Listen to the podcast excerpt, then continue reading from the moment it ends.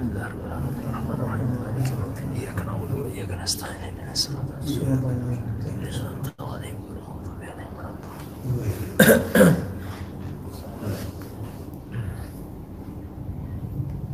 بسم الله الرحيم السلام عليكم ورحمة الله وبركاته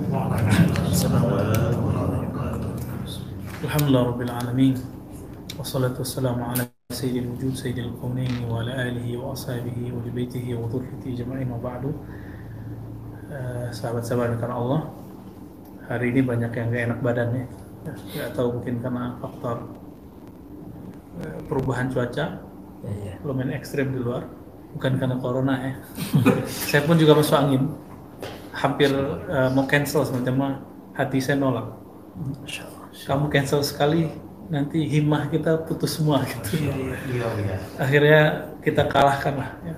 Iya, iya. Eh, dengan conditioning macam-macam lah. Tetap aja sebenarnya agak agak berat hari ini. Tapi ternyata tidak hanya saya yang merasakan banyak yang merasakan. Ya kawan-kawan kita sebagian ada yang tidak datang karena uh, marid ya. Semoga Allah uh, membersihkan uh, hatinya badannya dari keburukan-keburukan termasuk kita semua. Amin. Ya rabbal alamin Mari kita baca surawat Al-Fatih. Allahumma salli ala Sayyidina Muhammad. Al-Fatih lima ughliqa wal khatim lima sabaq. ناصر الحق بالحق والهادي إلى صراطك المستقيم وعلى آله حق قدره ومقداره العظيم اللهم صل على سيدنا وبسنادنا المتصل المصنف الإمام الحافظ المحدث الفقيه أبي عمر أبي عمر Abi Hafaz Umar السروردي قدس الله سره في ذكر فتوح الأربعينية Pekan lalu kita sudah membahas tentang dari manakah asalnya khalwat 40 hari menyepi 40 hari. Kemudian kita sudah sebutkan ternyata itu adalah amalan para nabi. Jadi seorang nabi itu sebelum diutus sebagai rasul diperintahkan Allah berkhalwat dulu. Itu. Maka nabi itu ada yang salik lalu majzub sehingga salik majzub lengkap. Kita ngelihat orang ada yang salik doang, ada yang majzub doang. Ya. Dua kelompok ini tidak bisa menjadi mursyid atau menjadi guru. Tapi kita bisa mengambil hikmah dari dua orang ini. Jadi antum kalau ngelihat di luar sana yang lagi masyhur ini Allah kok bikin mereka masyhur-masyhur sekarang. Dibuat ada panggungnya itu kan aneh. Ini baru baru baru ini dan baru Indonesia yang berani menampilkan wali majzub. Antum bilang wali majdub gitu ya. yang sahih itu majdub. Ya. Wali majdub wali yang akalnya sudah kalah oleh mahabbahnya, cintanya kepada Allah. Maka mereka kayak anak-anak. Sebagian yang tidak sopan bilang kayak orang gila gitu ya. Iya. Enggak, mereka bukan gila, bukan anak-anak, tapi mereka sedang asik di di alam rohaninya. Dan kita tidak bisa hukumi dengan hukum mukallaf biasa. Ya. Eh, wali ya, tapi bukan sufi. Kalau sufi minimal dia salik. Tapi yang bisa menjadi mursyid siapa? Salik yang majzub atau majzub yang salik. Gimana ceritanya? Salik kalau dia berlatih dengan syekh yang mursyid yang kamil yang dapat ijazah dari gurunya secara sahih lahir dan batin. Ada yang dapat ijazah secara kertas tapi tidak dapat ijazah secara rohani dan itu banyak. Ada yang dapat ijazah secara rohani tapi tidak punya SIM, tidak punya kertas, repot juga. Diingkarilah oleh banyak orang-orang. Nah itu terjadi di banyak zawiyah, di banyak pusat-pusat zikir. Uh, tentu untuk menjaga itu maka si salik ini dia harus berlatih dengan gurunya sampai kemudian dia bisa berdiri sendiri. Jadi kapan salik bisa menjadi guru? Kalau dia sudah mustaqim. Sama kayak mukallid, kapan dia boleh berfatwa? Kalau dia sudah mengerti suatu persoalan tanpa gurunya. Ya. Kalau di dunia kampus, bab akliyat, bab akal, kapan dia bisa menjadi mandiri? Minimal dia doktor, gitu ya. Ini kan dokter nih ya. Nanti bisa nulis sendiri. Setelah bisa nulis sendiri, di, tetap dibimbing, akhirnya diwisuda. Jadi jadi dokter pun diwisuda, ya toh? Masa jadi wali nggak diwisuda? Ada seremonial rohaninya. Cuma ahli rohani yang tahu itu. Ya, orang jadi dokter aja di iya, di wisuda, dirayakan. Antum jadi LC aja di di wisuda. S1, S2, S3, TK aja ada wisudanya. Masa jadi wali gak ada wisudanya? Dan itu orang jadi pejabat dunia itu di SK. Maka wali-wali itu ada yang di SK secara rohani. Perintahnya ada yang umum dari Allah, ada yang rohani. Jadi kita nggak bisa main-main di situ. Jadi hati-hati eh, dalam bab ini ya. Jadi nggak nggak bisa antum baca kitab terus itu jadi mursyid ya. Kebelinger itu. Kalau dokter sudah jadi dokter terus jadi dosen bisa membimbing skripsi, tesis, disertasi benar nggak? Iya. Kok bisa? Karena dia sudah melalui itu. Nah, ini disebut salik. Nah, tapi ada yang dia pintar, cuma nggak kuliah, Eh, nggak kuliah sampai S3, paling S1. Dikasihlah doktor honoris causa, ini disebut majzub. Kira-kira begitu ya. Di doktor honoris causa itu gelar wali majzub lah. Tapi dia bukan akademisi murni, gitu. Maka nggak bisa mungkin eh, bimbingan langsung sama dia, gitu. Kecuali dia kemudian memahami metodologi dengan baik. Jadi torikoh itu menjembatani antara salik dengan majzub. Kenapa perlu bertorikoh? Menjembatani antara eh, mahabbah yang yang yang murni pada diri seorang wali majzub dengan metodologi tata cara yang kebanyakan manusia membutuhkan itu dan itu ada pada salik. Maka salik yang majzub salik ketika dia berlatih kalahlah sifat nafsiahnya baru dia majzub. Kalau dia sudah majzub baru dia dikeluarkan ijazahnya oleh gurunya. Atau minimal dia dilepas oleh gurunya. Kira-kira seperti itu. Ya. Atau sebaliknya dia majzub kemudian Allah kembalikan akalnya jadi Allah tambah kekuatan akalnya sehingga akalnya kembali lagi seperti biasa. Majzubnya ketutup. Nah ini Nabi Muhammad SAW. Waktu kecil beliau sudah majzub. Ini dadanya sudah dipegang oleh Allah Subhanahu Wa Taala lewat malaikat. Lebih mulia Nabi Muhammad atau Jibril? Jibril itu sebenarnya guru atau mentor biasa? Sebenarnya Nabi Muhammad perlu nggak Jibril? Sebenarnya nggak perlu Jibril. Tapi skenario Allah ngajarin kita bahwa selevel Nabi pun supaya beliau kemudian ingat dengan Nur Muhammadiyah, Nur Al-Haqiqah Muhammadiyah yang ada dalam dirinya, maka diutuslah Jibril. Ngajarin kita biar kita malu, selevel Nabi Muhammad ada mentornya kok gitu. Masa kita nggak punya? Ya. Maka teman-teman yang makan Allah kita sudah sebutkan eh, hadisnya ya. Dan Nabi Muhammad SAW sebelum di- diutus tapi sudah jadi nabi. Beliau berkhalwat di mana? Di Gharah Hira. Ya. Dan itu hadis sahih riwayat Imam Bukhari dan A'immah Sittah meriwayatkan semua dengan lafaz yang berbeda-beda ya. Nah, yang paling jelas ini lafaznya di Bukhari juga diriwayatkan oleh Imam Surawardi. Nah, ini dia pakai riwayat dia sendiri nih. Awwalu ma budi'a bihi Rasulullah SAW min al-wahyi ar-ru'ya sadiqah fi naum halaman 126 ya.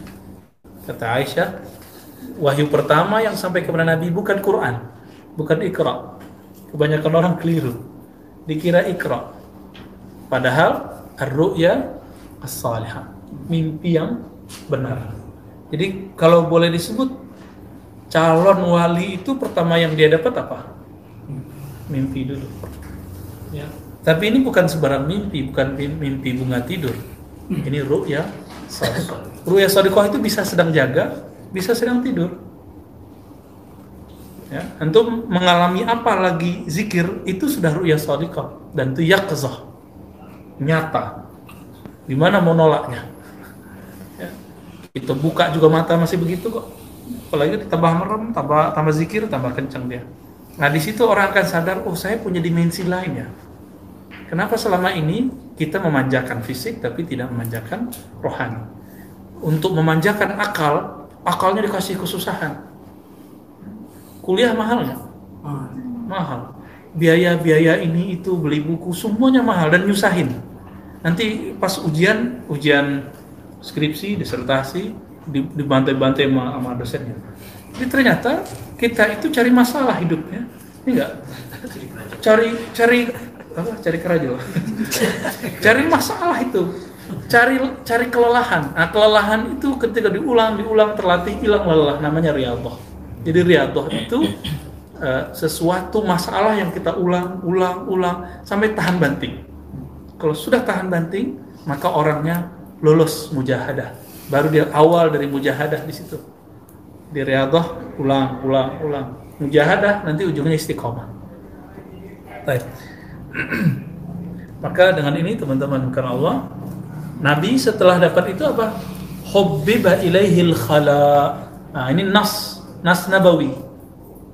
Bahwa berkhalwat itu bukanlah bid'ah, tapi langsung dari Nabi Muhammad SAW. Fahubbiba ilaihil khala. Lalu Nabi suka berkhalwat.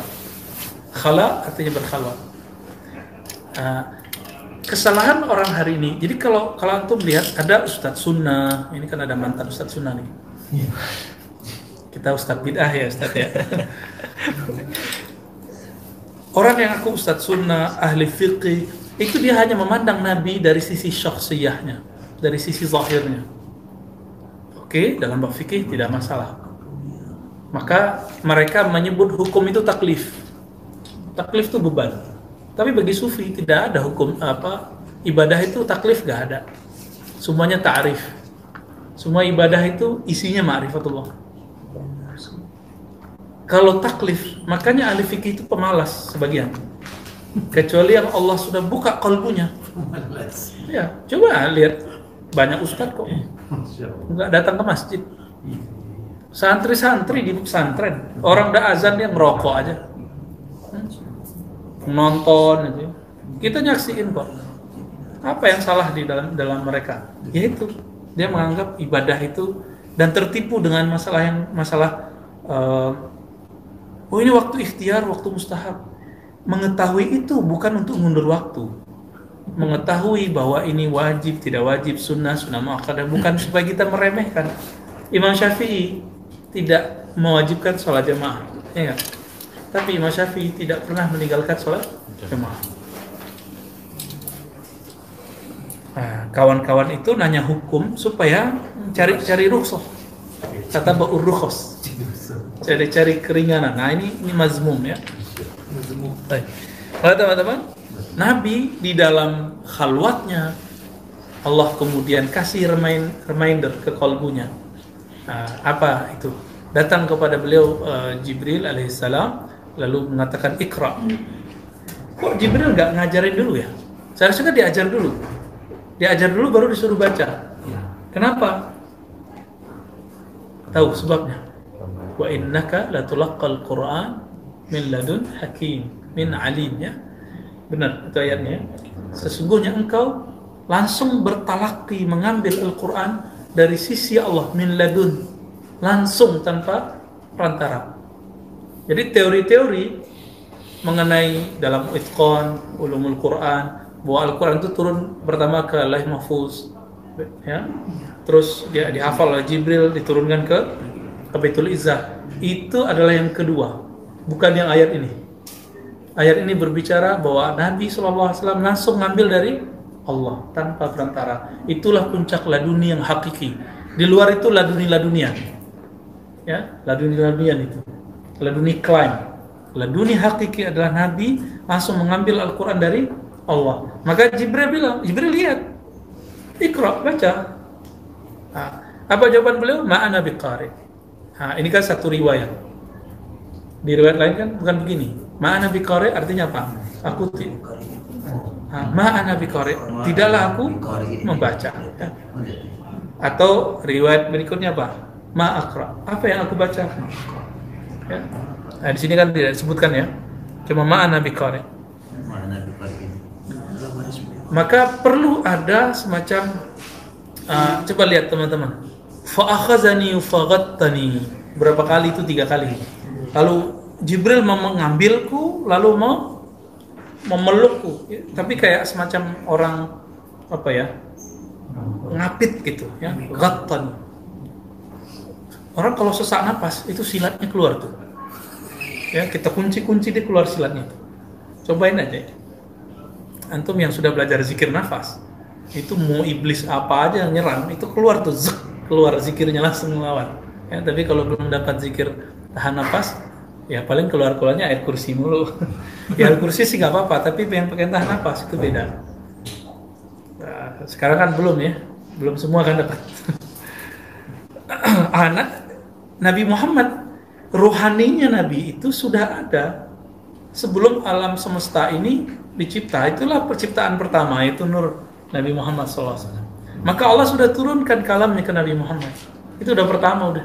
Itu yang dimaksud kuntu nabiyan wa Adam baina ma'in wa tin, baina ruhin wa tin atau dalam ayat ketiga munjadilun baina ma'in wa tin. Adam itu masih tanah. Aku sudah diangkat jadi nabi. Ya. Ada kekeliruan sebagian ahli kebatinan dia pakai hadis ini untuk mengatakan bahwa Nabi Muhammad itu kodim. Nah itu keliru. Nabi tidak kodim, Nabi hadis ciptaan Allah. Tapi semua ruh hakiki itu Allah ciptakan bakal. Tapi dia tidak kodim. Ya. Tapi semua hembusannya berasal dari yang maha qadim. Siapa yang menghembus? Allah Subhanahu wa taala. Nah, Nabi Muhammad itu semua pancaran kalam-kalam Allah ada dalam dirinya. Nah, jadi yang diturunkan kedua kali itu itu ya karena ada unsur hukum syariat yang harus diperjelas, maka lewat struktur Jibril dulu. Belum mahfuz Jibril, Baitul Izzah turun lagi. Nah, itu ya, berkaitan dengan tasyriah, ya, pensyariatan. Jadi salahkah Aisyah mengatakan khuluquhul Quran? Khuluqnya Quran. Itu Aisyah sudah kasyaf sudah. Ya, sudah kebuka mata batin Aisyah dan memandang Nabi itu apa aja Quran. Itu. Maka kita masuk sekarang ke bab 27 ya, biar uh, biar faham kenapa uh, kita baca dulu yang di belakang tadi bahwa khalwat bukanlah buatan sufi tapi khalwat adalah buatan panduan ini ada di junjungannya para sufi yaitu Nabi Muhammad SAW. Maka batallah satu tasawuf jika dia tidak merujuk kepada Nabi Muhammad SAW. Jadi biarlah orang di luar sana mengatakan sufi itu zindik, sufi itu uh, pelaku bid'ah. Antum nggak usah sibuk. Kita sibuk saja dengan aib kita sendiri. Kita nuslih anfusana. Kita perbaiki diri sendiri. Capek merawat kalam-kalam orang itu capek ya. ya mending kita merawat kalbu kita.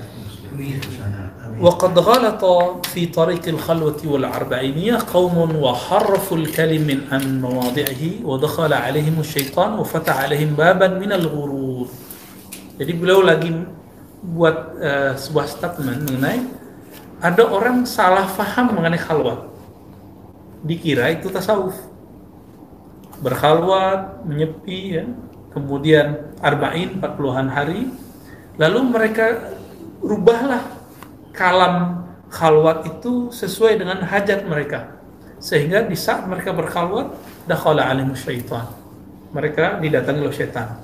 Ya. Wa alim baban al-ghurur lalu mereka tertipu. Dan dakhalul khalwata ala ghairi aslin mustaqim. Mereka masuk khalwat tapi tidak dengan dasar yang lurus. Min ta'diyati haqqil khalwati bil ikhlas. Dalam menunaikan syarat khalwat dengan ikhlas wasami'u anna al-masyayikh as-sufiyah kanat lahum khalawat mereka mendengar bahwa para masyayikh sufi masyayikh dan para sufi mereka berkhalwat lalu ketika berkhalwat mengalami kejadian-kejadian aneh.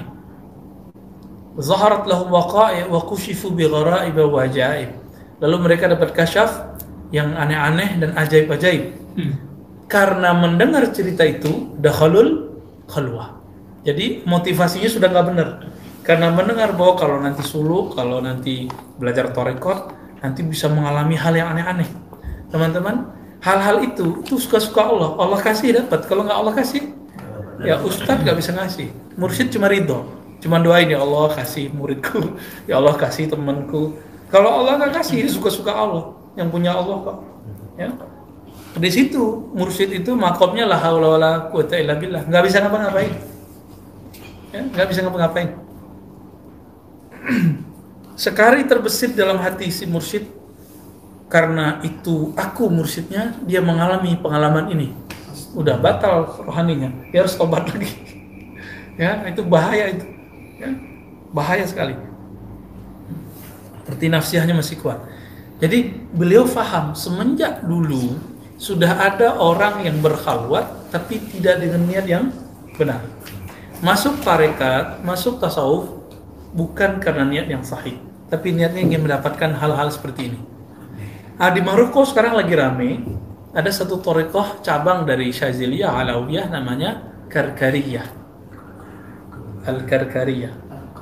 Al-Karkariyah ini ketika saya amati ilmunya ilmu-ilmu ma'rifat. Cuma sayang, murid-muridnya dari berbagai negara yang ditalkin, kemudian diminta testimoni apa yang dia amal, yang dia rasakan setelah berzikir. Ya murid yang dapat cerita-cerita, yang nggak dapat nyesek di hatinya. Kok temanku dapat, saya nggak dapat. Akhirnya ditahzirlah oleh sebagian ulama di Maroko. Saya paham maksudnya karya itu eh, mereka mempunyai ahwal makomat dan mukasyafat. Tapi jika itu dijadikan testimoni bahkan dimasukkan ke YouTube, akibatnya apa? Murid-murid yang awam dia berzikir niatnya pengen dapat itu. Jadi ada yang bercerita saya seakan-akan naik ke Baitul Ma'mur, ada yang melihat cahaya, ada yang bla bla bla. Itu kalau Allah kasih kan beda orang beda pemberian. Iya.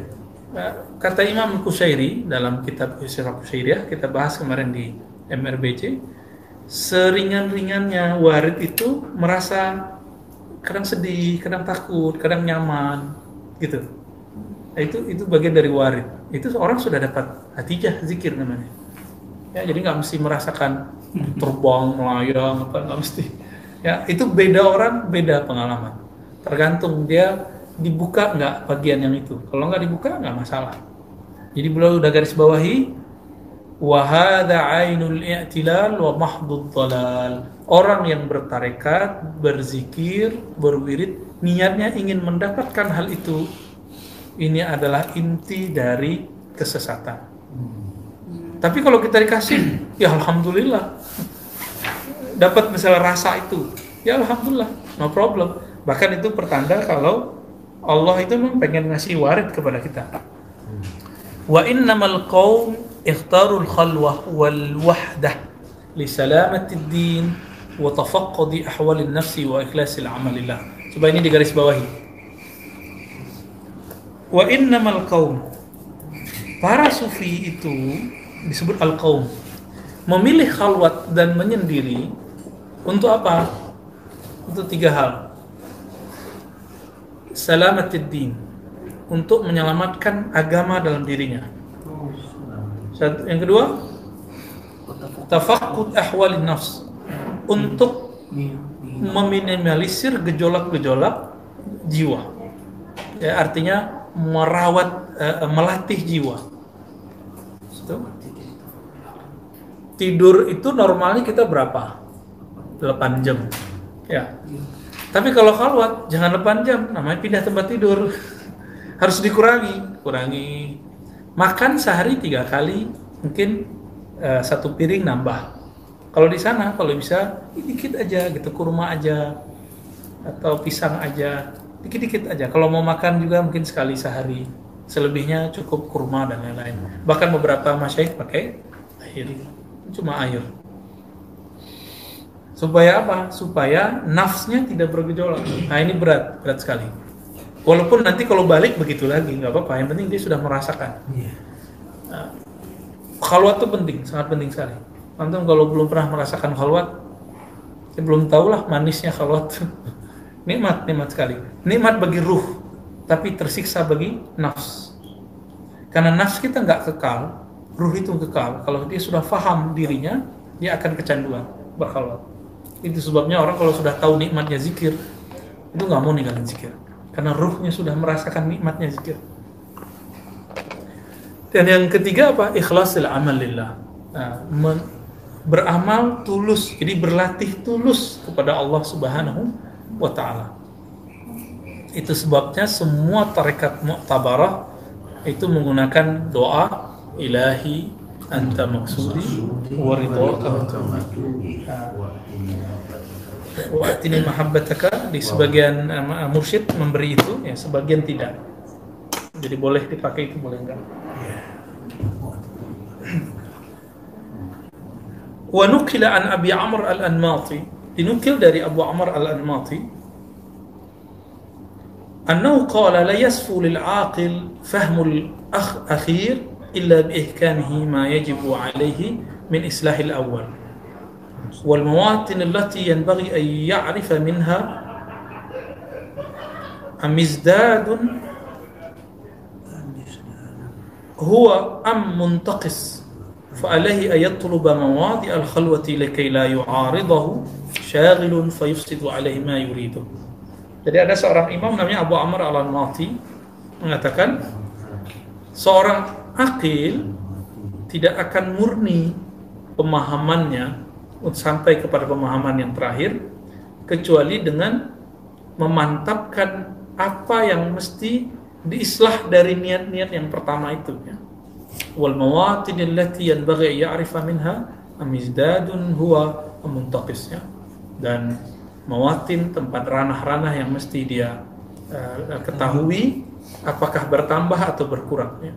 Fa'alai ayatuluba mawadi al-khalwah maka dia mesti mencari tempat khalwat supaya la yu'ariduhu syaghilun fayufsid ma alaihi ma yuridu.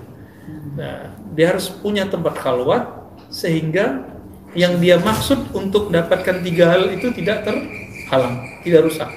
Maka teman-teman, kalau emang kita belum punya tempat khalwat nanti kita pakai ribat kita khalwat walaupun cuma tiga hari lima hari tujuh hari kita coba ya tak kabur lagi kelemahan. Ya. Kabur itu biasanya karena nggak ada ngomong. Ya. nggak ada ngomong tiba-tiba dikasih pelajaran dikasih latihan yang si murid belum siap. Harus dibuat happy orang khalwat itu harus dibuat happy. Maka ma'rifat dulu baru berkhalwat. Pahami dulu apa tujuannya apa adab-adabnya apa yang dilakukan kalau kejadian begini nanti gimana caranya? Itu harus tahu dulu. Nanti oh atau merasa yang aneh-aneh. Wah kabur lah gitu. Kacau itu. Banyak banyak kejadian yang kabur-kabur begitu banyak.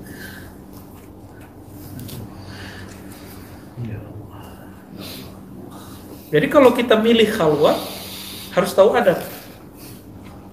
Di sini dikatakan Man ikhtar al-khalwah kata Abu Tamim al-Maghribi. Siapa memilih khalwat dibandingkan sohbah berguru. Jadi torikoh itu dua aja. Khalwat atau sohbah. Ya, khalwat atau sohbah. Enaknya sih digabung. Ya. Sohbah berguru, berkhidmah pada guru. Kayak gini. Nah ini suhbah eh, bab taklim. Suhbah itu lebih dari itu. Suhbah itu ada ada khidmah. Nah ini- salah satu furuk dari suhbah. Antum nggak kuat kalau suhbah terus. ya, gurunya mau ke mana, ditemenin, diantar, khidmah kan nggak kuat. Nah kita kita tahu zaman begini nggak mungkin orang begitu semua. Iya. Maka kita kasih rukhsah lah sekali seminggu doang lah ngaji.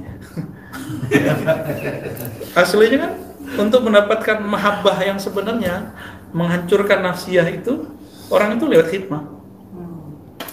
Kan antum misalnya bantu aja Sani misalnya bersih-bersih, itu nafsiyahnya sudah rontok sebagian tuh.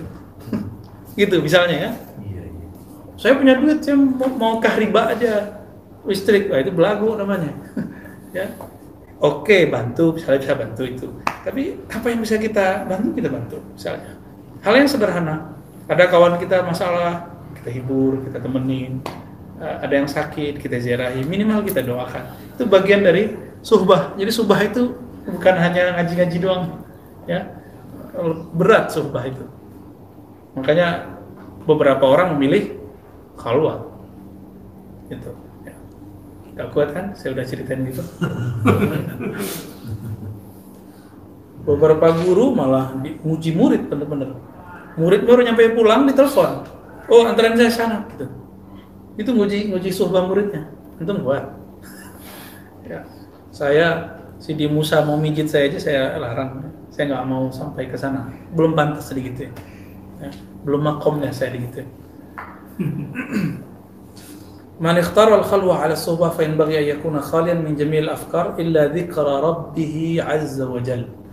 Siapa yang sudah memantapkan milih khalwat dibandingkan suhbah, maka hendaklah dia sibuk ngapain? Dar- dengan berzikir lalu membuang fikir. Fikir itu ditaruh dulu. Pikiran ini kan terlalu banyak masalah. Taruh dulu, simpan sebentar, lalu aktifkan kolbu. Rasakan dahsyatnya. Ya. Wa khalian min jami'il muradat illa murada rabbih. Nah, berkhalwat menyepi menjauh dari semua keinginan-keinginan nafsiyah duniawi kecuali hanya keinginan yang sesuai dengan ridho Allah Subhanahu wa taala. Allah inginnya dari kita apa? Fa'budu rabbakum.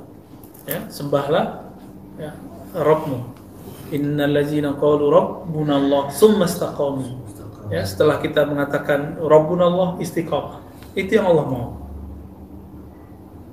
Jadi kalau nanti khalwat terus masih order-orderan batal. Gak usah dulu deh, ya, simpen dulu. Makanya nanti latihannya tiga hari, mulai lima hari. Kalau bisa loncat 7, 10 gitu modelnya. Gak mungkin langsung langsung 40 ya. Kabur, kabur. Tapi di Sumatera, di, di Kalimantan, bahkan di Banten, di Jawa tuh banyak orang ada yang langsung bertahun-tahun.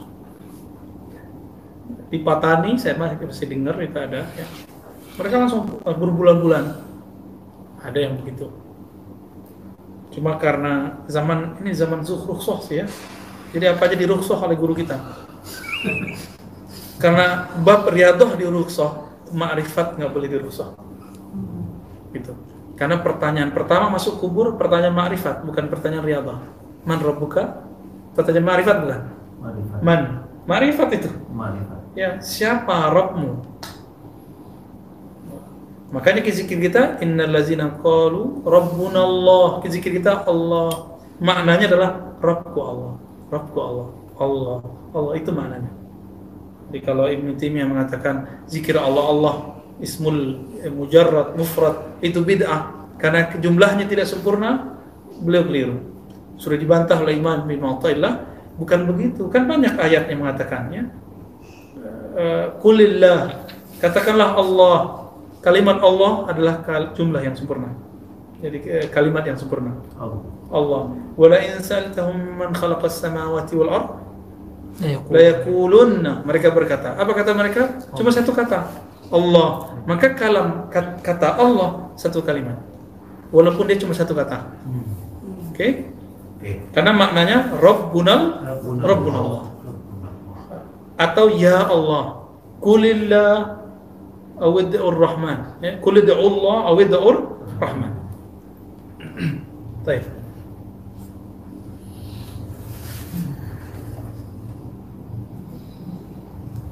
Khalian min mutalabatin nafsi min jamil asbab. Nah, harus menanggalkan sementara kehendak-kehendak nafsiyah diri dari asbab-asbab maisha, asbab-asbab kehidupan ya.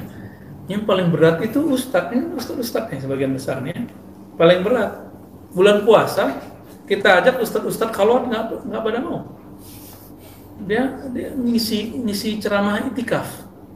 Nabi 10 hari terakhir itikaf dia jalan-jalan ngisi kegiatan itikaf. Ngajak orang itikaf dia malah jalan-jalan. Oh dalam mazhab syafi'i sejenak aja disebut itikaf. Itu itikaf mutlak, bukan itikaf Ramadan. Oke, itikaf Ramadan 20 hari terakhir. Sampai hari eh, terakhir Ramadan. Coba ya. Antum kan sudah lama ngaji kan? Udah tahu kan hadis itikaf? Coba sekarang kalau nanti buat jadwal ceramah cut tanggal 20 eh, kosong. Kecuali lagi dakwah keluar ke pelosok eman-eman kalau kita eh, berhalwat makomnya makom mu'alim lain cerita. Atau lagi keluar negeri di, diutus siapa tahu itu nggak apa-apa. Tapi kalau kita di rumah 11 bulan 20 hari mencari rezeki mas kapan kita mendekat kepada yang maha memberi rezeki itu? Ini ini ini untuk saya sebenarnya ya, karena kita juga pendakwah. ya. Lam yakun bi hadhihi sifah fa inna khalwatahu tuwaqqi'uhu fi fitnatin baliyah. Yang tidak memutus itu maka khalwatnya malah jadi masalah.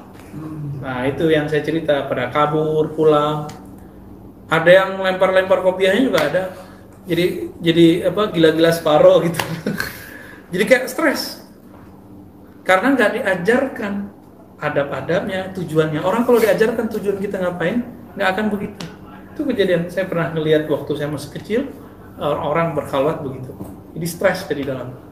Inilah sebabnya kenapa salah satu ada orang pulang khalwat gila. Karena nggak dikasih tahu ma'rifatnya. Maka teman-teman, dan kepada para masyaikh, para mursyid kita menghimbau jangan main suruh-suruh aja murid kasih dulu ilmunya ilmu suluk ilmu khalwat itu apa apa pentingnya apa adabnya ya baru kemudian dilep- ah, di, di, dimasukkan ke dalam ruang khalwat kalau enggak ya kejadian fitnah itu kekacauan-kekacauan tadinya min fi fitnatin au baliyah Nah, bisa kacau, bisa dapat balak. Ya, balaknya kayak tadi.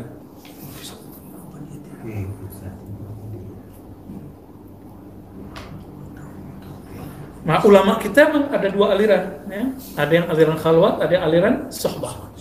Dua-duanya aliran sempurna dan digabungkan itu lebih baik.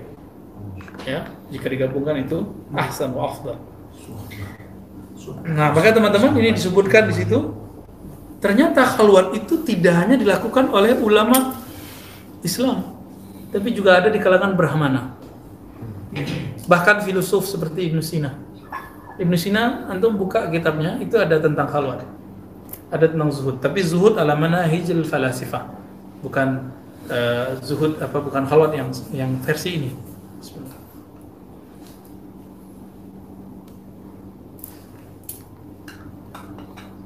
Nah, maka beliau mengatakan di paragraf berikut baris kedua. Faqad dakhalatil fitnatu ala qaumin dakhalu al-khalwata bighairi shurutiha wa aqbalu ala dhikrin min al-azkar wastajma'u nufusahum bil 'uzlati al-khalwa wa mana'u ash-shawaghil an al-hawas kaf'il kaf'il ar-rahabin wal barahimati wal falasifa. Nah, ada orang masuk khalwat tapi dia dapat fitnah, dapat kacau baris kedua ya. Lalu baris ketiganya dakhalul khalwata bi ghairi syurutiha. Mereka masuk khalwat, suluk, tarekat tapi nggak pakai syaratnya. Lalu mereka zikir, aqbalu ala dzikri min azkar, mereka zikir. Apa kejadiannya?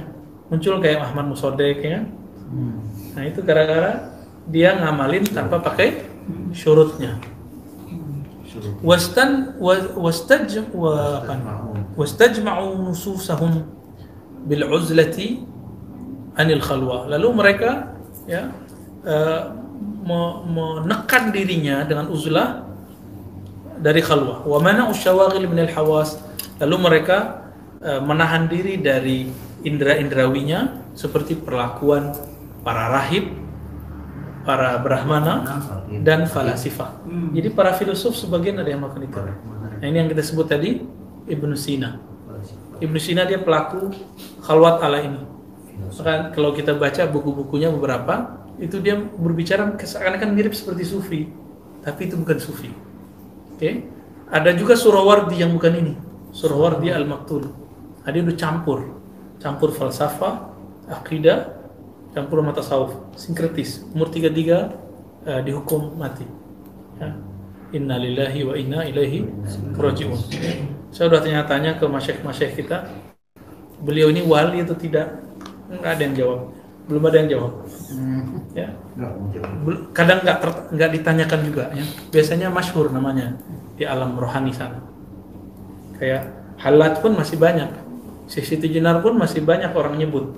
Tapi giliran Surawardi Al-Maktul nggak ada yang bahas. Kecuali orang-orang di kampus. Ya, ya mungkin dia eh, pim- eh, makomnya di akliyat kali ya rasional. Baik.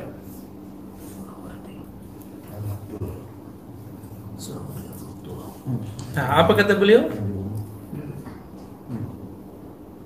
Ini sebenarnya titik ya setelah falasifah wal wahdatu wal wahdatu ya, dan menyendiri itu fi jam'il hammi laha ta'thirun fi safa'il batin mutlaqan. Ini bisa jadi kaidah juga. Ber menyendiri itu coba aja yang nggak usah halwat eh, buat zikir deh. Orang mau nulis makalah, nulis jurnal, nulis skripsi, tesis, disertasi gimana? Perlu menyendiri. Antum mau nulis yang di otak aja itu perlu menyendiri. Masa mau nulis yang di si kolbu, terus orang bilang saya khalwah fil jalwah saya suluk di tengah pasar, di tengah keramaian. Itu makom yang sudah tinggi. Jangan asal ngomong. Ya, kalau di bahasa Melayu tuh, sekampung saya juga ada eh, suluk di tengah balai. itu kalam sahih, lakin bikaulika asbaha batilah. Ya. Itu kalam sahih, tapi karena dia ngomong jadi batil. Karena dia hendak membatalkan khalwat. Kalam ini bukan untuk membatalkan khalwat Nah dulu di Sumatera terjadi cekcok antara Naqsyabandiyah yang bersuluk khalwat 40 hari dengan Syatariyah yang ada sholat 40 tapi ngejekin ini, saling ngejek mereka. Ah, ngapain suluk-suluk? Kita suluk di tengah pasar, di tengah keramaian. Ingin membatalkan khalwat, nah ini keliru. Teman-teman, semua torikoh punya kekhususan. Tidak usah katakan torikotku lebih hebat dari yang lain tapi kita boleh bilang, aku belajar beberapa torekot, tapi yang kena padaku ini, itu hmm. boleh. Itu sifatnya nisbiyah, ya, bukan bukan mutlak, ya. Jadi kalau kita memilih sohbah uh, di tengah keramaian kalbu kita berkhalwat, nggak apa-apa, tapi jangan batalkan yang khalwat Ya, sama yang ahli khalwat jangan batalkan ejek yang yang sohbah yang jalwah ya. Apa kata beliau? Menyendiri itu mempunyai pengaruh hebat fisafail batin dalam membersihkan batin. Mutlakan, secara mutlak tanpa ada keraguan. Nah, ini kalam penting sekali ini. Karena orang meragukan ini. فما كان من ذلك بحسن سياسة الشرع وصدق المتابعة لرسول الله صلى الله عليه وسلم أنتج تنوير القلب والزهد في الدنيا وحلاوة الذكر والمعاملة لله بالإخلاص من الصلاة والتلاوة وغير ذلك نتمنى هذا مفت فات yang khalwat dengan adab-adab syariat dan mengikuti kerohanian Nabi Shallallahu Alaihi Wasallam, apa natijahnya? Antaja. Dari sini kalimat natijah muncul. Antaja. Maka dia dapat natijah. Apa natijah pertama? Tanwirul qalb. Kalbunya bercahaya. Cahaya itu bukan cahaya begini nih teman-teman. Bukan, bukan ini bukan itu yang maksud. Mahwan nur. An-nur yakni zuhur syai. Sel kalau disebut nur, kalau disebut cahaya matahari terbit, maksudnya apa? Mataharinya datang. Ada tiba-tiba cahaya jalan gitu enggak kan? Apa dong? Cahaya itu artinya sesuatu yang hendak kita mau lihat terlihat. Nah, maka disebut bercahaya. Orang kemudian merasakan gerak-gerik kolbunya. Orang kemudian menyadari bahwa kolbunya ternyata dipandang, diatur, dilihat oleh Allah Subhanahu wa taala. Ini yang disebut kolbu ber, bercahaya. Kalau zikir terasa enak. Orang kalau gelap takut nggak? Ya, tapi kalau terang takut nggak? Enggak, kecuali lagi pengantin baru. Ya. Sorry yang belum nikah ya. Wazuhudu fit dunya. Zuh dan kedua zuhud. Jadi zuhud itu awalnya memang berkhalwat. Awalnya ninggalin zahir dunia. Awal dari zuhud. Tapi setelah itu dunia di tangan tapi tidak tembus sampai ke kalbu. Nah kalau nggak beres di sini, terus nanti antum jadi mursyid. Gimana tuh? Ya, ada murid kaya dikit aja hatinya langsung condong. Murid pejabat hati langsung condong. Ini gawat. Nah ini bahaya. Maka harus dibersihkan benar-benar sehingga tidak ada muyul kecenderungan kepada ahli-ahli dunia. Nah, semoga kita dibimbing Allah untuk ini. Wahalawat zikr dan kemanisan zikir. Wah, jadi zikir itu manis. Tapi sebelum manis dia pahit dulu nggak? Pahit. dulu. Ya, coba aja hanya danur. Awal-awal zikir berat kan? Pahitnya jadi kurang. Pahitnya di dengkul, ini capeknya di sini. Kepala ya kan, kepala capek di sini. Emang begitu. Ya. Antum yang sudah melihat gua Hiro, kebayang nggak Nabi kira-kira gimana posisinya? Ya kira-kira duduk itu. Jadi kalau udah khalwat memang harus rajin duduk. Ya. Halawatul dzikr. Terasa manis. Kopi pahit itu kapan terasa manis? Kalau orang sudah tahu rahasia kopi. Satu. Yang kedua, dia udah tahu nih tapi belum pernah coba, bisa nggak? Coba dulu. Ketika dicoba, wih, pahit juga ya. Saya pertama kali dikasih oleh kawan baru pulang dari eh, Jepang, dia punya apa namanya teh Jepang itu Sakit. Macam. I- mocha ya mocha. Wah tehnya bagus, hijau-hijau gitu kan bagus. Saya udah semangat mau minum. Ternyata ketir. ya, pahitnya bukan main, tapi kerasa habis itu enak. Awal sampai sekarang kalau minum teh itu nyamannya yang yang pahit sampai hari ini. Jadi kalau bukan karena saya dikejutkan oleh orang itu, saya nggak tahu nikmatnya kopi pahit. Kopi pahit taunya di di Paris. Di Paris tuh orang jarang kalau ngopi itu pakai Gula-gula. pakai gula. Makanya orang kita kan pada sakit gula banyak. Antum nih hati-hati nih. ya. Hati-hati udah. Kurangi gula. Rasakan nanti nikmatnya. Jadi kalau Abah sekumpul cerita nikmatnya kopi, kopi penting untuk para salik, para sufi, para wali. Itu kopi pahit, ya. Kecuali belakangan, ya. Belakangan orang-orang udah mulai ganti. Kalau kopi manis bikin ngantuk. Gula kan bikin ngantuk ya. Tapi kalau jadi kalau orang bilang saya minum kopi itu tetap ngantuk, saya nggak percaya kecuali kopinya Manis. manis. Ya. Atau emang dia udah kemanisan. Jadi mau minum apa aja sama.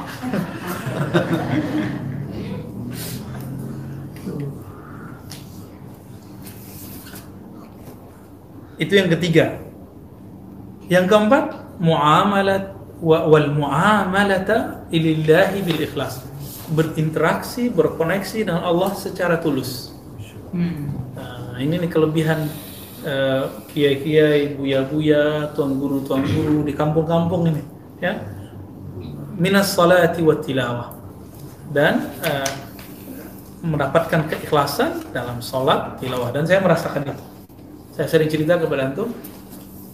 Dulu sebelum terkena, eh, jadi kita pernah kena liberal tiga bulan aja liberalisme karena baca filsafat segala macam eh, lupa dengan pegangan akidah karena waktu itu saya belum yakin Imam Ash'ari itu Imam Ahli Sunnah 2004 2005 2006 berberes jadi dua, eh, kena eh, liberalnya dua bulan eh, tiga bulan langsung tiga bulan itu saya tidak merasakan sholat khusyuk padahal dari dulu umur 13 sampai saya kena virus itu itu merasakan nikmat sholat. Jadi sholat tuh kayak udah ngomong dengan Allah, berbicara langsung dengan Allah.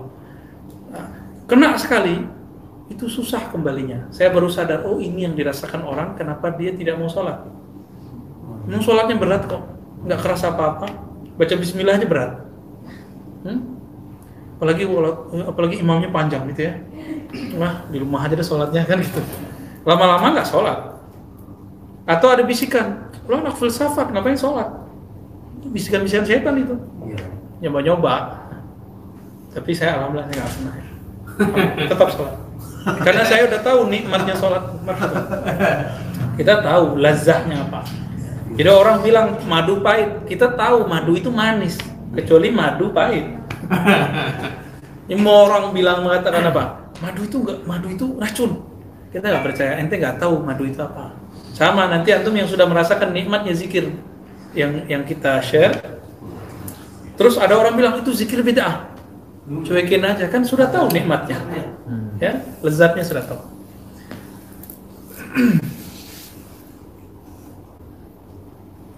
وما كان من ذلك من غير سياسة الشرع ومتابعة رسول الله صلى الله عليه وسلم. ينتج صفاء في النفس يستعان به على اكتساب علوم الرياضة مما يعتنى به الفلا مما يعتني به الفلاسفة والدهريون.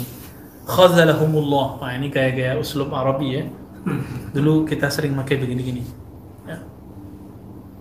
Adapun khalwat yang tidak menggunakan adab-adab para sufi yang mengikuti Nabi Shallallahu Alaihi Wasallam, eh, yaitu yang menghasilkan kebeningan kolbu, ya, maka apa yang terjadi? Nanti mereka akan berusaha mencari riadoh-riadoh, falasifah dan dahriyun. Dan yang paling menyeramkan ternyata ilmu nujum, ilmu nujum itu salah satunya cabang dari falasifah itu pakai riadoh. Ada puasanya. Maka ada orang puasa ilmu buat raja. Buat raja itu bukan ilmu tasawuf. Tolong diingat. Buat jimat, buat raja, itu ada hukumnya dalam akidah sunnah tapi la alaqata bainahu wa baina at-tasawuf. Jadi kalau ada orang tirakat buat raja itu bukan tirakat tasawuf. Ada khalwat puasa-puasa untuk uh, mengamalkan atau mendapatkan ilmu-ilmu yang tadi itu bukan khalwat tasawuf itu khalwat falasifah falasifatul munajjimin ahli perbintangan. Maka nanti mereka ilmu yang mereka kaji apa? Bintang ini zodiak ini gitu. Nanti memang hebat dia bisa nanti uh, ngecek alam semesta. Uh, yang mirip-mirip kayak BMKG sekarang lah. Dengan adanya BMKG sekarang tuh gak perlu lagi ilmu itu sebenarnya menurut saya. Ya. belum ada tsunami. Belum ada wa kullama aksara min dzalika ba'uda anillah. Setiap dia memperbanyak ilmu jimat ilmu raja ilmu nujum apa yang terjadi? Dia tambah jauh dari Allah. Allah. Nah, apalagi ilmu-ilmu eh, pelet termasuk situ. Pesugihan. persugihan. Itu masuk masuk bagian dari sini semua. Barahimah eh, falasifah wa dahriyun Nah, Imam Ghazali tidak pernah memasukkan itu ke bagian tasawuf. Tapi kenapa, teman-teman, saya kalau ketemu orang-orang di pesantren di Jawa mengira tasawuf itu yang begitu. Ya mungkin nanti Ali di Madura bisa jawab tuh ya. Kok bisa begitu? Mungkin image orang kali ya. Padahal tasawuf nggak ada kaitan dengan itu. Baik. kalau pengen sakti baca inna bat syarabika lasyadid tiup fuh itu bukan tasawuf teman bukan tasawuf ya mau mau kebal baca bismillahirrahmanirrahim. Itu kan, enggak itu bukan tasawuf. Ya? Iya. Tasawuf apa? Sudah disebutkan. Yang memberi kolbu cahaya zuhud fit dunia merasakan manisnya zikir bagus muamalahnya kepada Allah. Sederhana tuh? Ya? Jadi tolong diluruskan. Maka kalau ada orang di luar sana mengatakan tasawuf zindik ya barangkali salah kita kita juga. Kita nggak menjelaskan itu. Ya salah kita kali ya Bu Zulfikar ya. Kayaknya kita yang salah. Ya udah kita maafkan deh mereka ya. Tapi ya itu urusan mereka. Kalau mereka emang mengkaji dari kitabnya nggak akan terjadi tuduhan tasawuf itu zindik ولا يزال المقبل على ذلك يستغويه الشيطان بما يكتسب من العلوم الرباطية ini salah cetak kayaknya nih riyadiyah seharusnya riyadiyah riyadiyah ya Iya, iya. orang yang mempelajari riadah-riadah ala-ala falasifah dan barahimah dan dahriyun apa yang terjadi setan setiap saat dia berriadah berlatih akan datang menyesatkannya lalu membisikkan kepadanya ilmu-ilmu riadah tersebut ya nah, sampai kemudian dikatakan di di baris bawahnya wala ya'lamu anna hadzal fan min al-fa'idah ghairu mamnu' min an-nasara wal barahimah. Jadi ilmu-ilmu kesaktian begini ini tidak khusus bagi pelaku riyadhah, tapi juga bisa ada pada orang Nasrani, pada orang Brahmana. Nah, ini yang ditemui oleh Izzuddin bin Abi Salam, pengarang kitab Halil Rumuz. Eh, dia sayembara, nggak makan, nggak minum, nggak tidur 40 hari 40 malam dengan pendeta eh, Hindu Brahmana. Di hari ke-9 baru mati Brahmananya. Karena dia doa dulu Izzuddin Salam. Brahmana itu kan mintanya ke Sang Hyang Widi. Sang Hyang Widi itu kan Allah juga. Allah Sang Hyang Widi artinya apa? Sang Maha Esa. Yang Maha Esa. Izzuddin Salam juga meminta kepada Allah. Cuma ini beda bahasa, satu Sanskrit, satu bahasa Arab. Tapi kan syariatnya beda. Orang Brahmana tidak percaya kepada Nabi, tidak mengikuti syariat Nabi. Sedangkan Izzuddin percaya kepada Nabi, mengikuti Nabi. Maka mengancam lah kira-kira bukan mengancam ya menantang ya Allah jika memang ajaranmu benar tolong tunjukkan bahwa aku ini benar. Itu malam ke 38 tuh doanya. Besok 39 baru mati Brahmananya. Hari ke 40 murid-muridnya pada tobat semua. Murid-murid Brahmana itu. Yang nggak tobat banyak juga. Yang buat aliran baru banyak. Sakti itu 40 hari nggak makan nggak minum. Kok bisa begitu? Ya itulah kelebihan khalwat-khalwat yang aneh-aneh itu ya. Mas siapa yang mendidik Imam Izzuddin Salam? Imam Abdul Hasan Syazili. الإمام أبو الحسن الشاذلي عبا كتب له وليس هو المقصود من الخلوة بقول بعدهم إن الحق يريد منك الاستقامة وأنت تترك الكرامة وقد يفتح على الصادقين شيء من خارق العادات وصدق الفراسة وتبين ما سيحدث في المستقبل وقد لا يفتح عليهم ذلك ولا يقضح في حالهم عدم ذلك ini kalimat penting sekali. Jadi in syi'na naktub uh, bizahab ya kalau bisa kita tulis pakai tinta emas ini apa kata beliau bukanlah maksud khalwat itu supaya sakti kenapa karena para ulama sufi para wali Allah mengatakan al-haq yuridu minkal istiqamah Allah menginginkan untukmu istiqomah bukan karamah. Jadi Allah menginginkan apa? Istiqomah. Istiqomah bukan karamah. Waqad yuftah kadang-kadang terjadi kasyaf kepada sebagian orang-orang yang sadiqin. Antum nanti kasyaf. Kebuka lah ya. Kebuka kadang-kadang badannya merinding, kadang-kadang bisa mendengarkan zikir-zikir alam semesta, kadang-kadang zikir di badannya, kadang-kadang badannya membesar, ya Habib Muhsin itu ketika bercerita ya ditalkin zikir oleh seorang Habib yang lain merasakan badannya mengembang seruangan ya. Tapi itu baru awal. Di atas itu ada lagi gitu. Ya. Tapi ada yang nggak dapat itu. Ada yang ketika zikir kayak dia melejit ke mana gitu nyampe di alam mana. Itu bus itu ada semua teman-teman. Ada yang zikir nggak ada rasa apa-apa. Zikir aja. Dia lagi diuji. Yang dapat jalan rohani tadi dia diuji dengan tamasya rohani. Apakah disibuk dengan itu? Apakah nanti dizikir mencari itu yang berzikir tidak merasakan itu dia diuji. Kamu zikir tetap zikirkah meskipun tidak diberi bunga-bunga bumbu-bumbu natijah atau kasyaf? Gitu zikirnya karena Allah atau karena itu? Karena yang tadi-tadi itu. Baik. Kadang-kadang dibukakan sedikit khawarikul ada ya wasidkul firasah firasahnya benar. Kadang. Kadang-kadang. Ya. Masih perlu firasat. watayabayan eh, ma yah sayahdus kadang-kadang dikasih tahu ma apa yang terjadi masa depan. Nah, ini murid-murid kalau di Khidriyah Khidriyah ya gurunya ngasih tahu A nggak kejadian.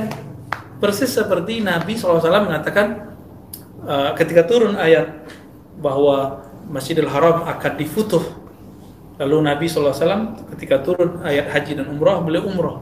Ternyata dikat disabotase oleh orang-orang kafir Quraisy. Umar mengatakan kan sudah dikabari kita kan sudah usaha kok malah dikat dan diterima oleh Nabi? Apa kata Umar? "Ah, Rasulun anta? Ente Rasul nggak? Ente beneran Rasul nggak sih? Gitu.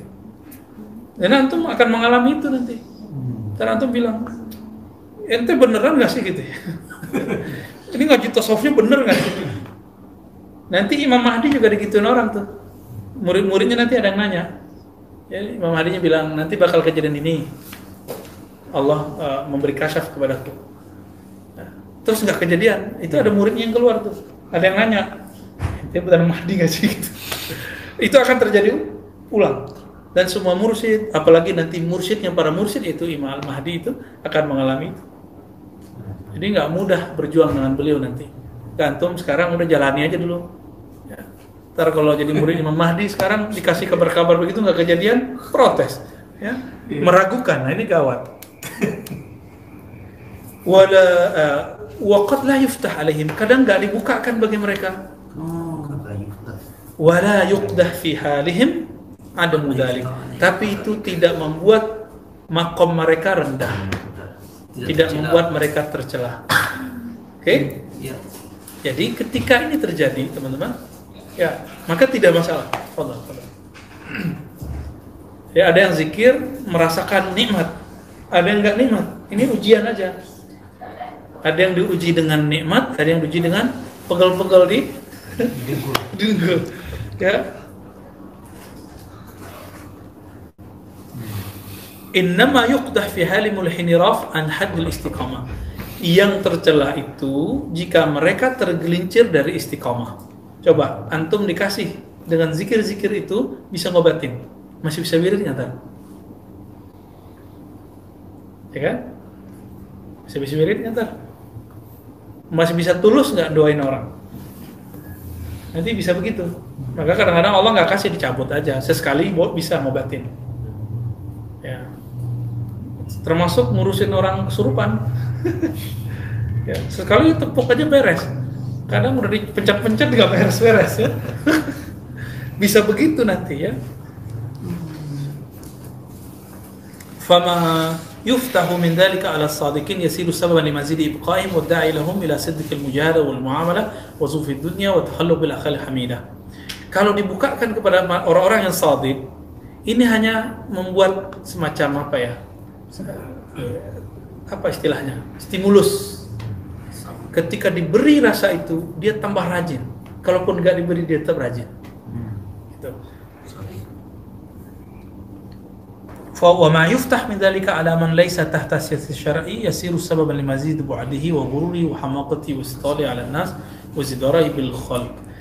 tapi kalau orang tidak mengikuti jalan ma'rifatullah ala minhajun nubuwah ala ajaran Nabi tidak pakai tarikat yang mutabarah tidak pakai mursyid yang berizin apa yang terjadi? Kalau dia mengalami hal yang itu nanti malah tambah sombong. Gitu merasa wah tambah keren nih gue nih ya. Wah sakti nih. Tarekat yang lain nggak ada yang begini. Nah ada ada perasaan begitu. Nggak ada apa-apanya yang lain. Nah, ada perasaan begitu udah ya Nah, ini akibat apa? Hamaqatihi ya wa ghururihi wa ini karena dia tertipu dan bodoh. Keburuannya. Nah, dua baris di bawahnya. Wa yazunnu anna al-maqsud min al-ibadat dzikrullah ta'ala wa yatruk mutaba'at an-nabi sallallahu alaihi wasallam. Thumma yandarij yatadarraju min dhalika ila talahhut wa tazanduq. Jadi orang-orang begitu mengira ibadat itu zikir-zikir aja. Sunnah Nabi nggak boleh nggak usah dikerjain. Kan ada yang begitu ya. Cukup amalkan hal-hal itu aja, nggak usah ngamalkan sunnah Nabi. Ya, ini bahaya. Nah, apa yang terjadi ujungnya betul talahud wa tazanduq, zindik dan ilhad. Nauzubillahi minadh dhalal. Beliau berdoa semoga Allah menjaga kita dari dhalal. Nah, yang berlindung sebagaimana beliau berlindung insya Allah terjaga.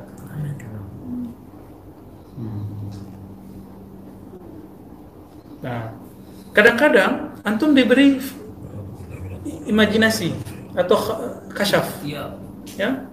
وقد يلوه لأقوام خيالات يظنونها وقائع ويشبهونها بوقائع المشايخ من غير علم بحقيقتها dikasih vision pandangan batin dia kira pandangan itu sama seperti mursyid melihat Loh beda salik ya salik mursyid yang mursyid bisa jadi benar bisa jadi salah mursyid aja bisa salah apalagi salik apa salik ya. فمن أراد تحكي ذلك فليعلم أن العبد إذا أخلص لله وأحسن نيته وقعد في الخلوة أربعين يوما أو أكثر فمنهم من يباشر باطنه صف اليقين ويرفع الحجاب عن قلبي ويسير كما قال قائلهم رأى قلبي ربي Nah, siapa yang ingin me- mengetahui kebenaran itu, maka ketahuilah bahwa seorang hamba jika ikhlas beriadah 40 hari, 40 malam, apa yang terjadi padanya? Yubashir batinuhu saffal yaqin. Nanti kolbunya akan menyentuh eh, makom yakin yang murni. Wa yarfa'ul hijab wa yurfa'ul hijab an qalbi. Hijab dari kolbu terbuka. Jadi hijab itu di mana? Hijab itu ada di di akal dan ada di kolbu. Jadi kalau kita ngomong gini, oh nggak masuk akal, berarti akalnya ke hijab. Ya, masa ada wali eh, bisa di tujuh tempat dalam waktu yang sama? Itu akalnya ketutup. Gitu. Atau kolbunya bilang, masa sih gitu? Masa sih ini nabi? dia terhijab. Maka orang-orang yang bilang nggak mungkin ketemu Nabi, itu dia tanpa dia sadari dia sedang membeberkan aibnya sendiri. Aib dia apa? Dia nggak bisa ketemu Nabi. Ya mau kiai kayak mau wali kayak kata orang, mau mursyid kata orang udah ketemu Nabi gimana? Nah ini bagaimana pusingnya mereka itu. Ya antum kalau nggak nggak nggak masuk nur salawat ke dalam kolbu, nggak akan pernah ketemu Rasulullah hatta dalam mimpi. Ya. Kiai aja banyak gak ketemu Nabi. Gimana yang bukan kiai? Ya bisa kadang-kadang orang nggak kiai ketemu Nabi karena dia mau masuk ke dalam kolbunya nur salawat itu. Ya. Nah, kalau sudah kebuka hijab, ada yang berkata, Ra'a qalbi rabbi, qalbuku memandang Rabbku. Wa qad yasilu ila hadzal maqam taratan bi ihya'il awqat bis salihat. Orang bisa sampai ke maqam ini karena dia menghidupkan waktu-waktu dengan amal saleh. Wa kafil jawarih, menjaga diri dari eh, anggota badan dari eh, yang nggak penting. Wa tawzi'il aurat minas salah. Lalu men- mendisiplinkan wirid ya dari sholat baca Quran zikir. Wa taratan yubadiul haq li mawdi sidqi wa quti sidadi mubada'atan min ghairi amalin wajada minhu. Kadang-kadang dibuat tertidur belum berzikir dikasih mimpi ketemu Nabi. Kadang-kadang eh, lagi tidur tapi kemudian merasakan pengalaman yang macam-macam. Orang zikir dia tidur. Bedanya apa? Yang zikir merasa oleh zikir. Yang tidur membuang semua kebencian dari hatinya dan membuang rasa hebat dalam dirinya tidurlah dalam, dalam keadaan itu. Dikasihlah warid. Kalau yang berzikir wah si ini pemalas ini ya. Ada perasaan ngejek dia ke sana. jadi ini emang betul-betul latihan kolbu kan? Ya hati-hati teman-teman. Maka antum nggak boleh benci ke salafi. Ya apalagi kepada sufi. Nggak boleh benci kepada ahli fikih yang yang saklek. Nggak boleh benci. Sekali benci kita jatuh langsung tapi kritik boleh nggak? Boleh. Beda kritik. ya kita mengkritik karena cinta bukan karena benci. nah ini perbedaan kalau sudah ketemu nur. Nur solawat ya kalau belum dapat tuh benci aja ya. Iya. makanya kebanyakan orang niat awalnya mau membela ahlu sunnah. Debat sama salafi. Eh lama-lama malah kebencian yang dimunculkan nah, nah, ini kita nggak mau kejadian itu berulang kembali. Ya. Alhamdulillah nur ini mahal tapi nggak bisa dibeli ya bersyukurlah kepada Allah wa wa taratan yajidu dzalika bi mulamazati dzikrin wahid min al adhkar Kenapa saya baca dari atas ke bawah walaupun dan diloncat cuma satu dua? Karena daging semua teman-teman. Kadang-kadang orang mendapatkan mukasyafah qalbiyah itu dengan mengamalkan satu zikir saja. Tadi ada yang banyak amalan. Itu yang kita tetap bagikan waktu eh, Ramadan suluk dari rumah itu dibagi banyak zikirnya. Karena nggak mungkin antum mengamalkan satu zikir. Satu zikir biasanya khalwat ya? Kecuali sudah mampu mendisiplinkan diri sendiri. Dengan zikrin wahid minal azkar Allah Allah la ilaha illallah subhanallah satu aja diambil. Itu maka dia meng- meng- mendapatkan rahasia tadi li'annahu la yazalu yuraddid dzalika dzikr wa yaqulu. Karena dia selalu mewiridkannya mengulang-ulangnya ya. Wa takunu ibadatu shalawatul khams bi sunanir ratibah fahasb amalannya sederhana. Salat jamaah lalu salat rawatib secukupnya salat witir cuma tiga rakaat atau 11 rakaat paling banyak udah selebihnya zikir. Nah ini yang dilakukan dalam suluk-suluk tarekat Naqsyabandiyah biasanya.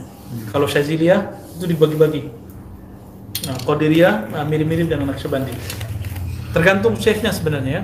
Wasairu awqatihi mashghulatun bidzikril wahid la yatakhallaluha futur.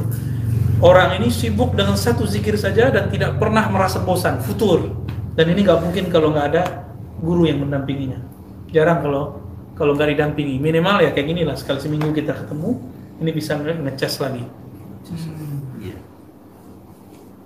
wala yazalu yuraddilu dhalika eh wala yujad minhu kusur bahkan tidak dikurangi. Berarti ada angka toh?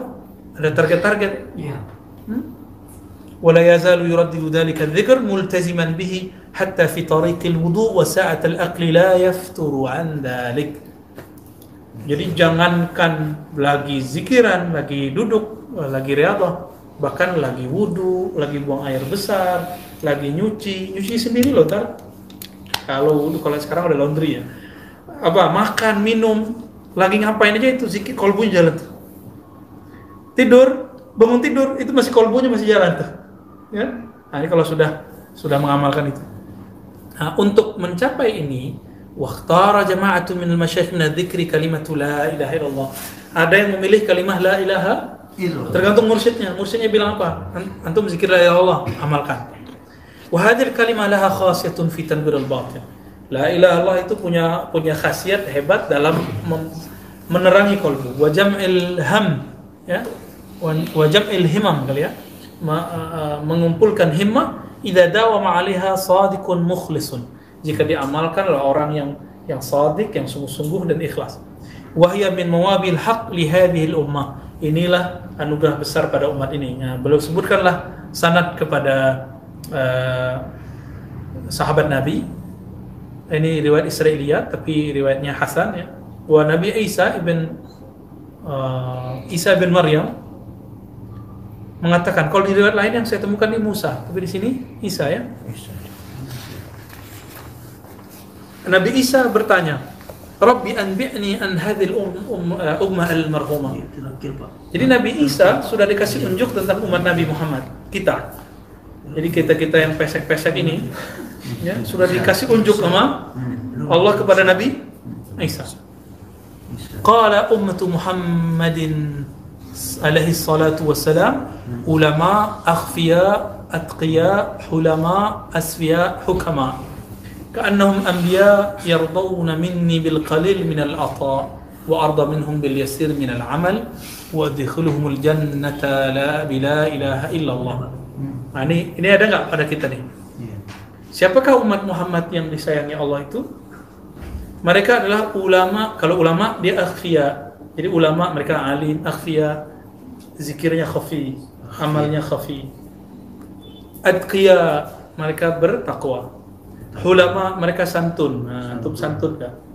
Nah, dikit-dikit bunuh. Nah, jangan hati-hati ya. ya. Beda dikit halal darahnya, hati-hati. Ini sekarang masuk khawarij ke tubuh ahlus sunnah. Cuma karena pergerakan politik beda, langsung halal darahnya. Dzalik. Ini mulai bahaya ini. Asfiya kolbu mereka bening. Bening. Hukama pikiran mereka tajam. Ya, hukama Hukama Ka'annahum anbiya seakan-akan mereka nabi. Berarti mereka bukan nabi toh? Bukan. seolah-olah Seolah-olah kualitas rohani mereka seperti para nabi Bani Israel. Yardawna bil qalil min al ata. Mereka ridha dengan pemberian yang sedikit. Maka aku ridha ya wa, wa arda minhum bil yasir min amal.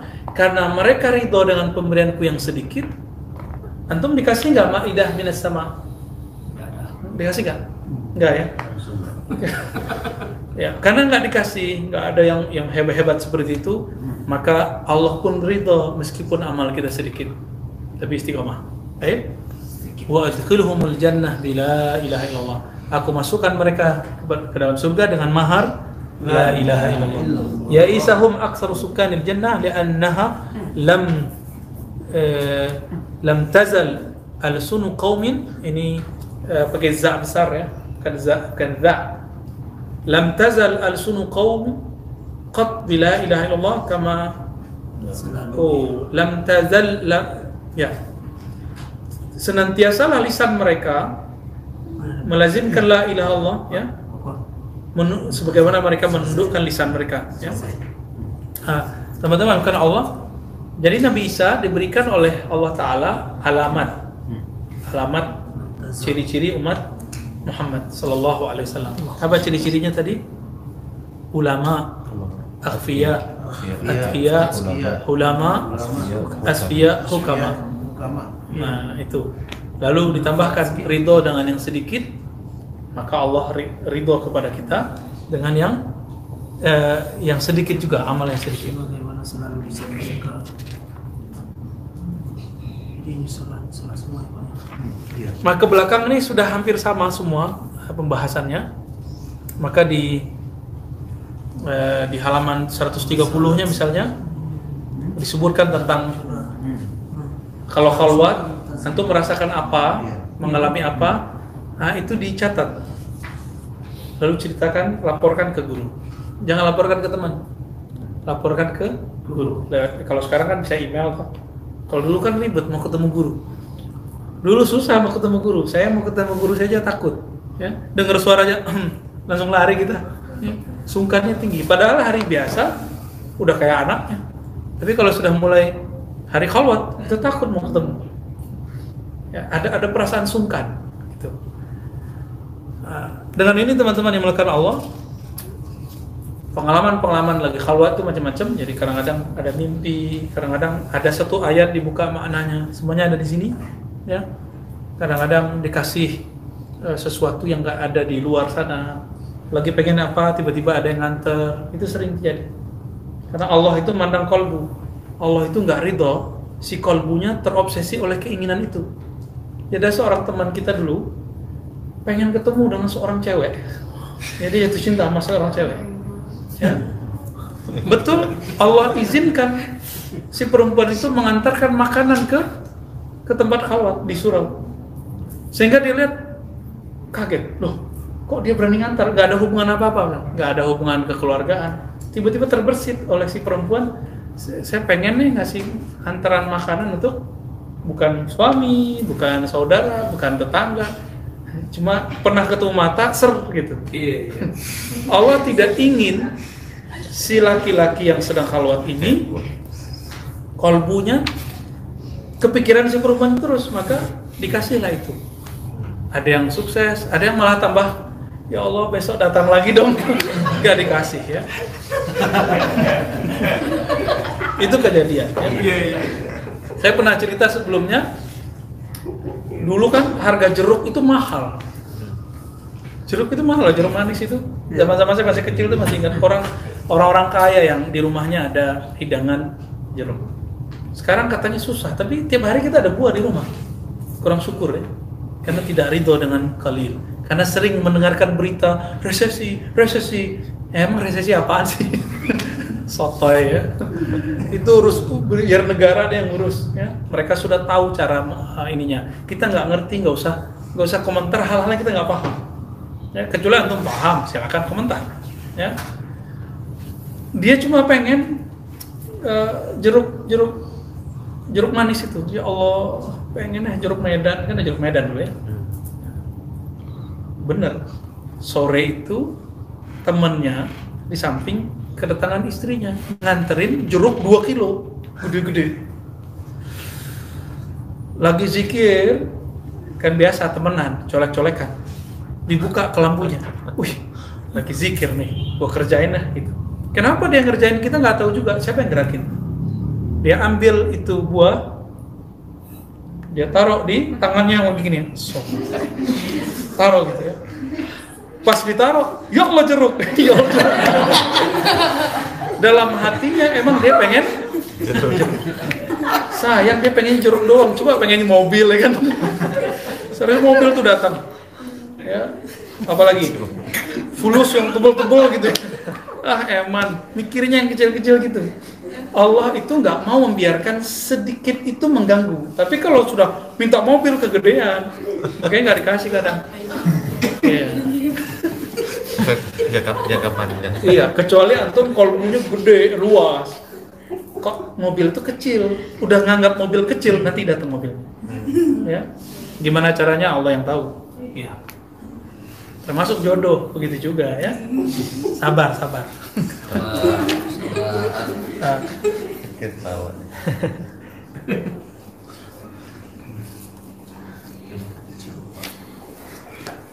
Nah, bagian-bagian tengahnya silakan antum istifadah sendiri. Lalu di bagian akhir beliau mengatakan فَلْيَعْلَمُ الصَّادِقُ أَنَّ الْمَقْصُودُ مِنَ الْخَلْوَةِ التَّقَرُّبُ إِلَى اللَّهِ تَعَالَى بِعِمَارَةِ الْأَوْقَاتِ وَكَفِّ الْجَوَارِحِ عَنِ الْمَكْرُوهَاتِ ya. Jadi apa tujuan dari khalwat? Enggak. Nah, bagian akhir Ya, kuliah enggak. ya, Ah, alinea terakhir. sebelum penutup. Iya. Maka ketahuilah wahai eh, sahabatku kata beliau bahwa murid yang sadik ketika berkhalwat belajar tarekat belajar zikir bukan mau cari kesaktian bukan mau oh, ketajaman kolbu nggak nggak perlu itu. Dia hanya ingin takarrub yang penting dekat dengan Allah Subhanahu wa taala. Ya. Dengan cara apa? Imaratil awqat memakmurkan waktu wa kafil jawarih anil makruhat menahan anggota tubuh dari eh, hal-hal yang makruh ya fayuslihu liqaumin min arbabil khalwah idamatil awrat wa tawzi'uha 'ala al-awqat nah ini macam-macam. Ada yang mereka para murid itu ketika wirid dia cocok cocoknya satu wirid. Ada yang cocok-cocoknya Quran khatam. Ada cocoknya solawat ada cocoknya setelah sampai semua itu lewat cuma muraqabah. Apa pun zikirnya tapi kalau punya koneksi. Angka-angka tidak penting.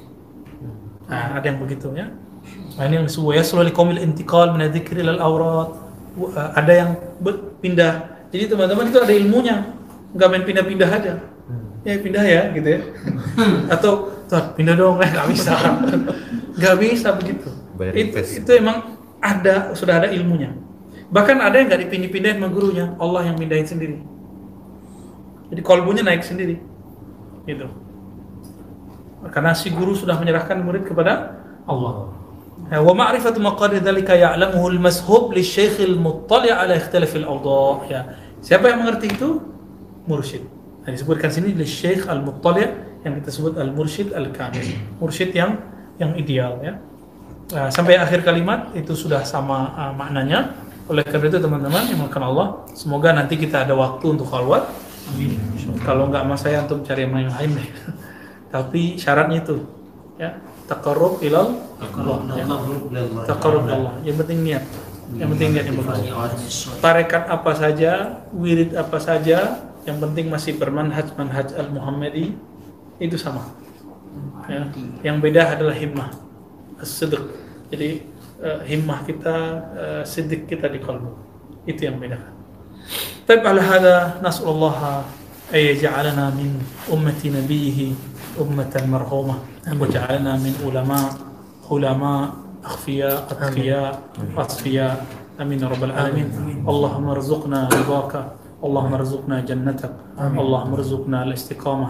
اللهم أكرمنا بالاستقامة. اللهم ثبت قلوبنا بالمراقبة والمشاهدة.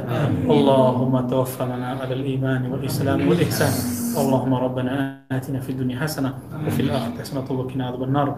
وارحمنا ومشايخنا خصوصا صاحب هذا الكتاب الإمام أبي حفص عمر السراوردي ومشايخنا جميعا والمجيزين والمسندين والحاضرين والحاضرات. والحمد رب العالمين. الفاتحة.